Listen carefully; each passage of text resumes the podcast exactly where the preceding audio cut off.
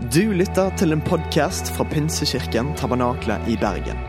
Vi tror at kirken skal være en plass hvor mennesker trives gjennom alle livets faser. En kirke for hele livet. Ønsker du å bli bedre kjent med oss eller holde deg oppdatert? Besøk vår Facebook-side eller ptb.no. Her er ukens tale. Hyggelig å være i Bergen i tab på, tab på tabernaklet. I tabernaklet. Eh, på skikkelig kickoff, og så bra å se så mange. Det er moro. Jeg tror I Oslo så har vi liksom ikke kommet helt i gang. Der er det neste helg. Vi henger nok dit etter med skolestart og sånne ting. Vigdis og Arne heter vi. Vi er, har vært gift i 44 år. Det er ikke så gærent, det. Vi har eh, fire barn som har blitt voksne alle sammen tre svigerbarn og syv barnebarn, og det siste kom nå i sommer når vi kom hjem til Norge. Og For å liksom bare få nevnt det, så del, har vi henta en av svigerdøtrene våre fra Tabernaklet Bergen. Anne Marte Hegdal. Og vi deler da barnebarn med han fine RR-lederen og kona, da. Så det er ikke dårlig. Så det er mange bånd til Bergen. Jeg kan jo også nevne at eh, da i 74 så flytta jeg til Bergen og ble bergenser for noen år. fordi at det var den gangen da det var én pinsemenighet til i Bergen. Da var det en som het Philadelphia. Og der var min far pastor, eller forstander, som det het den gangen. Og da var det sånn at vi hadde eh, Jeg tror vi hadde fredagsungdomsmøter, men for å liksom bare være sikker på at vi fikk nok, så var jeg her på lørdagskveldene på ungdomsmøtene. Så sånn var det den gangen. Arne han er, så Jeg har jo da flytta masse rundt og har bodd mange steder i Norge. Og når jeg kom til Kongsberg etter Bergen, så møtte jeg Arne, som da var en hjemvendt misjonærsønn som var oppvokst i Kenya. Ganske sånn eh, tradisjonell misjonærsønn som verken hadde lest eh, tegneserier eller sett på TV. eller noen ting, Så han måtte liksom inn i det norske samfunnet. Og så må det hjelpes til å finne ei jente. Ja. Og det var det jo ikke vanskelig med Vigdis. Hun hjalp meg godt med å finne den rette. Nå har vi holdt sammen i 44 år, og vi trodde vel kanskje at vår misjonstid ute var over. For vi har vært mange, ute, mange, år ute som familie. Og vi har liksom etablert oss da hjemme i Norge i mange år. Jeg har jobba som lærer i alle år, og de siste årene som barnepastor i eh, Filadelfia-kirken i Oslo. Arne var rektor på bibelskolen i Filadelfia-kirken i Oslo i nesten 20 år. og eh, jobba med misjon der, og vi hadde liksom lagt det litt på hylla. Og så plutselig en dag så kjenner Arne at han får et oppdrag på vegne av oss begge som han faller rett ned i og tenker Yes! Det er jo dette jeg har lengta etter. Mens eh, fruen måtte bruke litt mer tid på å tenke ja, skal vi nå reise fra alle de fine som vi har hjemme. Men for to år siden så dro vi altså ut. Arne skal forklare litt mer hva vi dro til. Eh, og vi er nå midt i den fireårsperioden, og vi syns det er kjempespennende at vi i den alderen vi er, over 60, får lov til å være med og skrive ny misjonshistorie. Det syns vi er spennende. Yes. Dere, Denne menigheten har jo vært en del Dere har jo sendt ut masse misjonærer gjennom de siste 100 år, kanskje. Um, og vi står jo på skuldrene av det som er gjort før. Vi får lov til å stå på skuldrene av de misjonærene som har gått foran oss. Og vi får lov til å bygge videre på det som en gang var. Det som var viktig på et eller annet tidspunkt, når misjonærene reiste ut, det var evangeliet. Evangeliet er en Guds kraft til frelse for hver den som tror. Det er derfor vi er samla i tabernakelet i dag. Benjamin skal snakke om Guds rike i dag. Og det er bare menigheter og kristne mennesker som bærer evangeliet med seg. Og Det var derfor Trygve og Karin reiste ut. Det var derfor Torolf og Inge reiste ut. Det var derfor folk reiste til Katihar og til mange land som misjonærer ble sendt ut ifra. Bergen og her. Evangeliet. Og så står det i Matteus at dette evangeliet skal forkynnes til alle folkeslag, og så skal enden komme. Så dere, selv om misjon er noe vi noen ganger outsourcer til andre mennesker som reiser, for vi skal ikke reise, så er evangeliet noe som angår deg som sitter i tabernakelet i dag. Det angår meg. Det angår oss alle, for det er evangeliet Det er ikke misjon som vi har outsourca det evangeliet som vi gjør i Bergen, og så gjør vi det alle steder. Ok, Det må være en lille tale i dag. Historien vår Det var ett hakk tilbake, takk. Jeg, eh, jeg fikk snakka meg bort på den sliden der. Dere, Historien vår har handla om det gjennom de siste 100 år har om å sende misjonærer. Og det har vært evangeliet som har vært i fokus.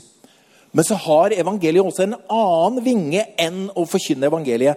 Og det er å gjøre gode gjerninger. Så det vi har holdt på i veldig mange år land å holde på fremdeles, det er skole og helse og andre sosiale aktiviteter som hjelper folk til bedre liv. For evangeliet er ikke bare noe som handler om hjertet, det handler om hele livet. Og vi har i 100 år sendt misjonærer fra disse landene i nord til Afrika.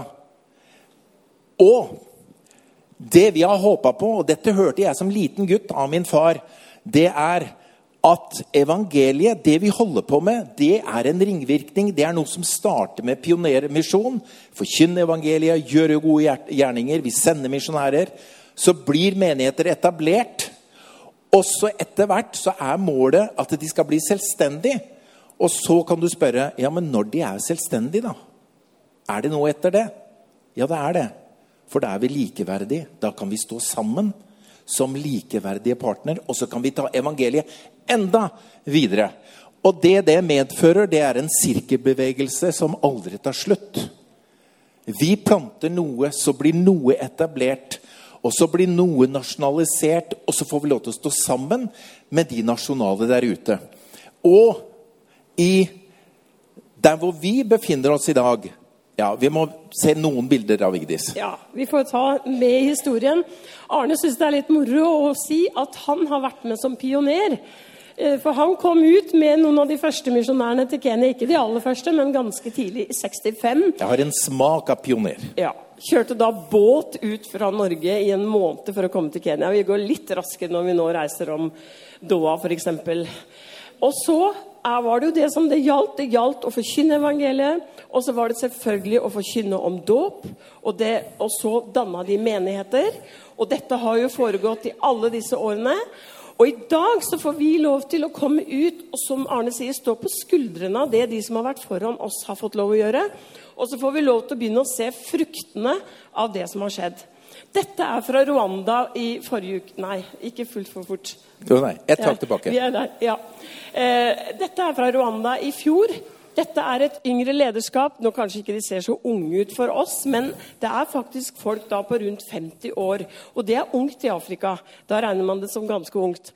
Og de har fått lov til å gjennom det, akkurat Rwanda, gjennom svensk pinsemisjon, få bygge opp kirke, sitt kirkesamfunn. Og i Rwanda så er det altså så mange kristne at vi snakker om at kanskje 25% av befolkningen alene tilhører denne organisasjonen som vi får lov til å jobbe med der. Det er spennende. Så kan du ta neste bilde. Og På det bildet her så har jeg lyst til å fortelle om at da Arne var i Kongo for ikke så veldig lenge siden, før vi dro hjem til Norge i sommer, så fikk vi kanskje oppleve noe av det som oppmuntrer oss aller mest. For i disse kirkene, langt ute i mange av disse litt større og mindre byene, så vokser det nå opp en yngre generasjon som har god utdanning, her i denne gjengen som står her, for eksempel, det er en gjeng som har vært med på ledertrening en uke. Her har vi lærere, advokater, sykepleiere. Vi har folk som har sagt at vi vil ha en god utdannelse, men vil også satse på menighet. Det er kjempespennende å få se dette skje i Afrika i dag. Bare for å gi det et lite perspektiv av hva som skjer i Afrika, og det vi får lov til å være med på, så skal vi gå til neste bilde. Vi får lov til å være sammen med svenske og norske og finske pinseledere og pinsevenner om dette nye hub-arbeidet. Eh, vi skal komme litt mer inn på hva selve hub-arbeidet består av. Men jeg har lyst til å fortelle at vi jobber da med disse, disse landene som dere ser. Hvis du tar utgangspunkt i Kenya til høyre, så er det der vi bor, i eh, Nairobi. Men vi farter i alle disse landene. Etiopia, Sør-Sudan, som dere ser her. Dere ser Kongo, dere ser eh, Tanzania, Uganda, Rwanda og Burundi. Kjempespennende land å få være i, og veldig forskjellig. Veldig forskjellig hvordan de har det i disse forskjellige landene. Og hvis du ser på de tallene der, så er det åtte land, 13 kirkesamfunn. Og hvis vi er litt snille, så sier vi 15-20 millioner medlemmer. Men jeg tror vi egentlig kan telle flere. Og befolkningen bare i Norge, Sverige og Finland til sammen ser du, er jo ikke mer enn det de er medlemmer der ute. Så vi snakker om mengder som norske, svenske og finske misjonærer gjennom 100 år har fått lov til å være med å starte et arbeid blant. Det er ganske rikt. Jeg syns det fortjener en klapp. Ja.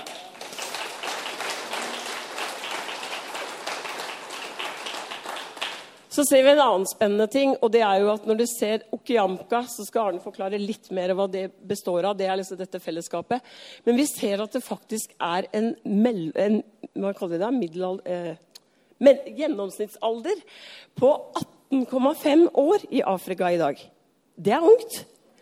Vi har en gjennomsnittsalder på 41,3 i våre nordiske land. Og det betyr at vi er nødt til å satse veldig på den unge generasjonen.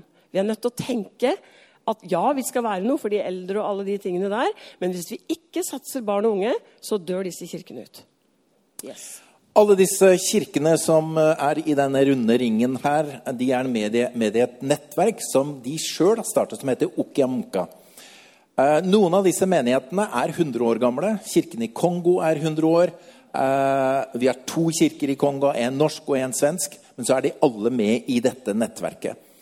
Og dette er selvstendige menigheter, kirkesamfunn med mange tusen menigheter hver seg, og mange tusen med, ja, millioner av medlemmer, som Vigdis allerede har nevnt.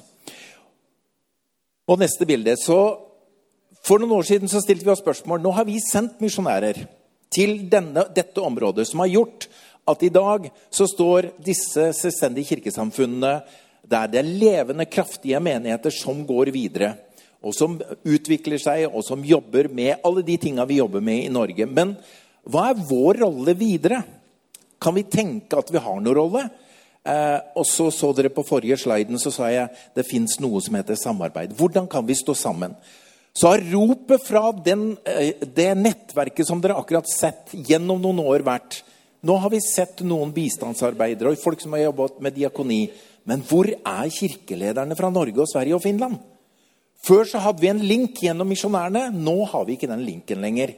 Så vi trenger å se. Vi trenger hjelp fra dere i Norge til å stå sammen med de store, om de store utfordringene som vi har i Afrika i dag.